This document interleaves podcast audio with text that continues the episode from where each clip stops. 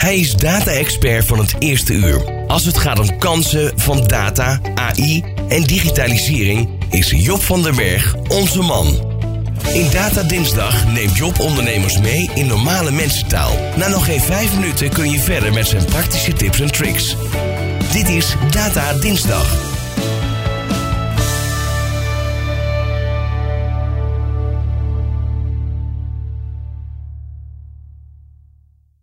Creativiteit is nodig om de kansen van data te zien. Ja, je hoort het goed. Creativiteit en data. Op het eerste gezicht twee tegenovergestelde begrippen. Data worden gezien als feitelijk, rationeel, objectief, terwijl creativiteit meer geassocieerd wordt met gevoel, innovatief, associatief en flexibel. Het zijn eigenlijk de twee hersenhelften in ons brein. In de praktijk zie ik dat als je met een creatieve bril met data aan de slag gaat, je de beste en mooiste inzichten krijgt. Dat klinkt op het eerste gezicht misschien een beetje vaag en een beetje zweverig. Maar ik neem je graag mee hier in deze column wat een creatieve mindset is en waarom dat een must is om data te verwaarden in je bedrijf. Want door meerdere databronnen te combineren of verder te denken dan sec de resultaten van een analyse kom je namelijk tot verrassende ontdekkingen. Om resultaten naar acties te vertalen moet je creatief kunnen denken. In de ideale wereld zitten dan ook data-analysten, creatieve marketeers bij elkaar. Denken ze samen na over de uitkomsten van de analyse en komen ze samen tot een plan, in plaats van gescheiden van elkaar, wat doorgaans de norm is. Kortom, een grondige data-analyse en een brainstorm over de resultaten zijn nodig om met data succes te kunnen boeken. En dan moeten die analisten, creatieve marketeers en sales dit wel samen gaan doen. Ik zei al, ik ben ervan overtuigd dat data en creativiteit tot de beste inzichten en dataacties leiden. Ik pas het zelf regel toe met mijn teams. Ik neem je graag mee in een heel concreet voorbeeld waarin data en creativiteit elkaar vinden, zodat je ook jij overtuigd raakt. Hier komt dat voorbeeld. Een groot koffiemerk wilde een nieuwe premium productlijn in de markt brengen met een premium prijs, dus aan de bovenkant van de markt. Niet gericht op de standaard koffiedrinker. Je weet wel, diegene die ochtends even snel mok koffie achterover klapt om de dag scherp te kunnen beginnen. Nee, maar nee, ze waren op zoek naar de koffiedrinker die van het koffiemoment echt een genietmoment maakt. Ze wilden specifiek deze koffiegenieter bereiken om het nieuwe product onder de aandacht te brengen. De vraag was, hoe vind je de koffiegenieter die bereid is om meer te betalen voor koffie? De data scientisten bouwden een clustermodel op basis van transactiedata uit de supermarkt en gingen op zoek naar patronen. Specifiek deden ze dit onder degene die koffie kopen in de supermarkt. Deze datastrategie was voortgekomen uit een brainstorm tussen data-analysten en een aantal marketeers. We maakten vervolgens een splitsing van clusters tussen kopers die goedkopere standaard koffie kochten en de kopers die reeds koffie kochten aan de bovenkant van de markt. En uit deze analyse zagen we iets heel interessants. Kopers die premium koffie kochten, deden het significant vaker dan budgetkoffiekopers in combinatie met chocolade.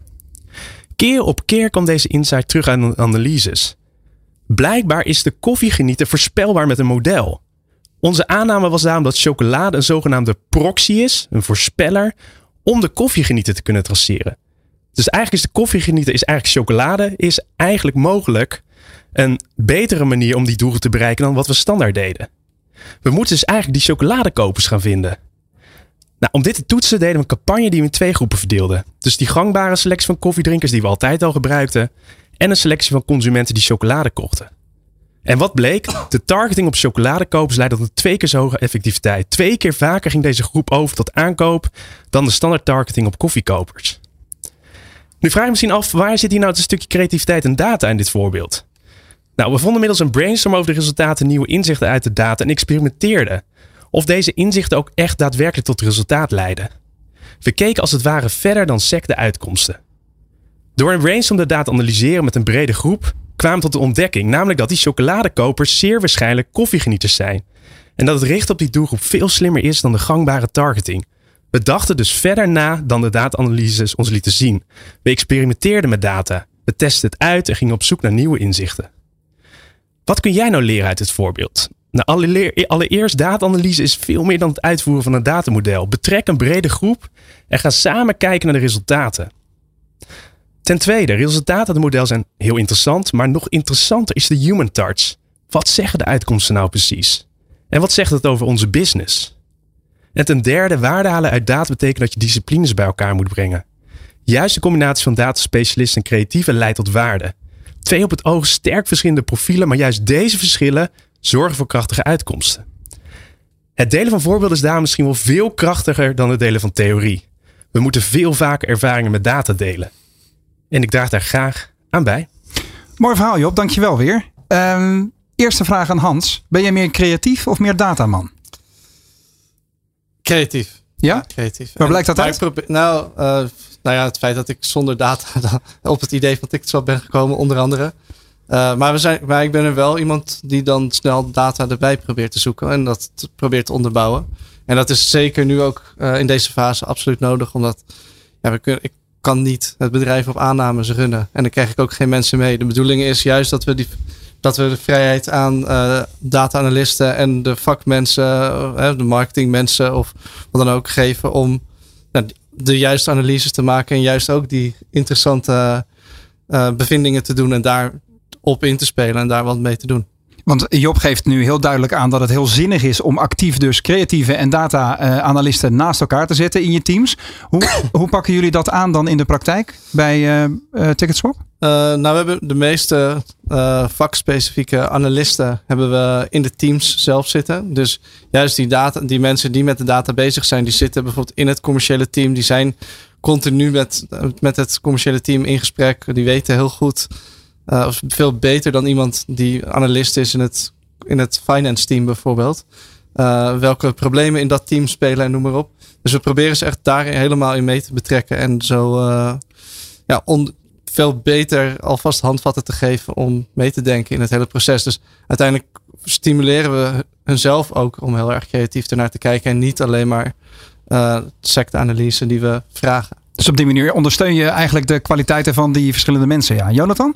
Ja, ik ben, ik ben wel benieuwd voor eh, Hans. Welk inzicht heb jij middels data eh, eh, ja, eh, bereikt? Ben je achtergekomen waar je anders nooit eh, achter bent gekomen? Mooi voorbeeld wat, wat Job bijvoorbeeld gaf. Ja, god, eh, ik zou nu niet zo, zoiets eh, spectaculairs weten als. eh, maar ja, ik kan me toch wel heel erg, laat ik het zo zeggen. Ik kan me in ieder geval een voorstelling maken dat mensen, ik, als ik naar mezelf en mijn eigen muzieksmaak kijk, luister ik totaal niet naar, eh, naar de muziek die ik eh, doorgaans met uitgaan wel heel erg waardeer. Ik hou zelf van eh, artiesten als John Mayer en ik vind dan, en soms ook de Rolling Stones en noem maar op. Maar ik, ik vind hun concerten leuk. Ik ben er een paar keer geweest, maar ja, stuur mij op, op zaterdag maar naar Awakenings, naar een van de technofeest of zo. Dat vind ik veel leuker. Maar, en dat soort eh, rare relaties, die zijn er 100%. En daar zijn we ook steeds meer mee bezig om die te vinden. Om zo goed, een beter eh, muziek, nou ja, een beetje discovery advies te kunnen geven voor evenementen. Maar er zullen vast ook toch wel eh, ontdekkingen zijn gedaan aan de hand van data die je van tevoren niet verwachtte.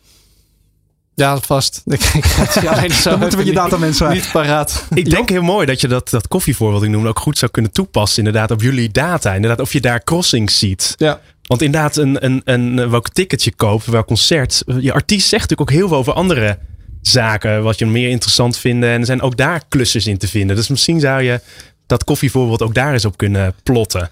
Ja, dat is zeker, dat is zeker geen, niet een voorbeeld wat, me, wat voor mij helemaal nieuw, eh, nieuw is. Kijk, jij, de, jij hebt deze dan gedaan op koffie. Er zijn nog eh, talloze andere voorbeelden. En wat, ik, ja, wat, wat ook zoals met muzieksmaak volgens mij nog heel veel eh, interessante dingen te ontdekken voor ons in ieder geval. Weet Dus, je wat ik zat te denken als gebruiker van Ticketswap? Ik zou het echt mega fijn vinden als jullie een soort notificatie manier hebben. Die soortgelijke artiesten, eh, die kaartjes voor soortgelijke artiesten in, de aanb- eh, eh, hoe heet dat, in, het, in, het, in het aanbod naar voren toveren voor mij Ja. als, als, als klant. Hè? Want bijvoorbeeld, ik heb nu een notificatie uitstaan voor tickets voor Paolo Nutini. 7 oktober geloof ik in Paradiso. Dat is een waanzinnige artiest, Schotse zanger. Ehm, maar nou ja, die notificatie heb ik aanstaan. Maar er bestaat er volgens mij niet zoiets als een, een, een functie die je kan aanzetten om soortgelijke tickets voor soortgelijke artiesten eh, voorgesteld nee, te krijgen. momenteel niet. Zou dat Eh, wat zijn, denk je? Ja, absoluut. Ja, we zijn heel erg bezig om te kijken hoe we juist ons eh, ja, advies van evenementen en zo, eh, similar artist, eh, similar events. Eh, misschien speelt Pablo Nut- Nutini ook wel op uh, North Sea Jazz Festival of zo.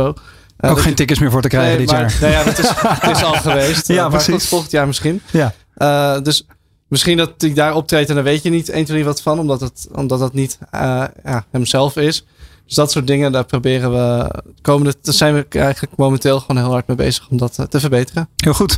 Jo, eh, Job, dankjewel. En ik, het is zoveel J's in de uitzending op De dit drie moment. J's, Eh, de twee drie- J's. twee J's. Job van Bluefield Agency, dankjewel. We kijken uit naar de volgende aflevering van Data Dinsdag.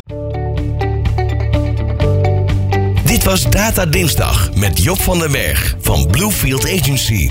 Zijn radiocolumn kun je wekelijks ook live beluisteren. Op de dinsdag bij De Ondernemer Live op Nieuw Business Radio. Ben je nieuwsgierig naar ondernemersnieuws, maar dan op zijn Nico's? Luister dan de podcast Ondernemertjes. Met onze huiskolonist Nico Dijkshoorn.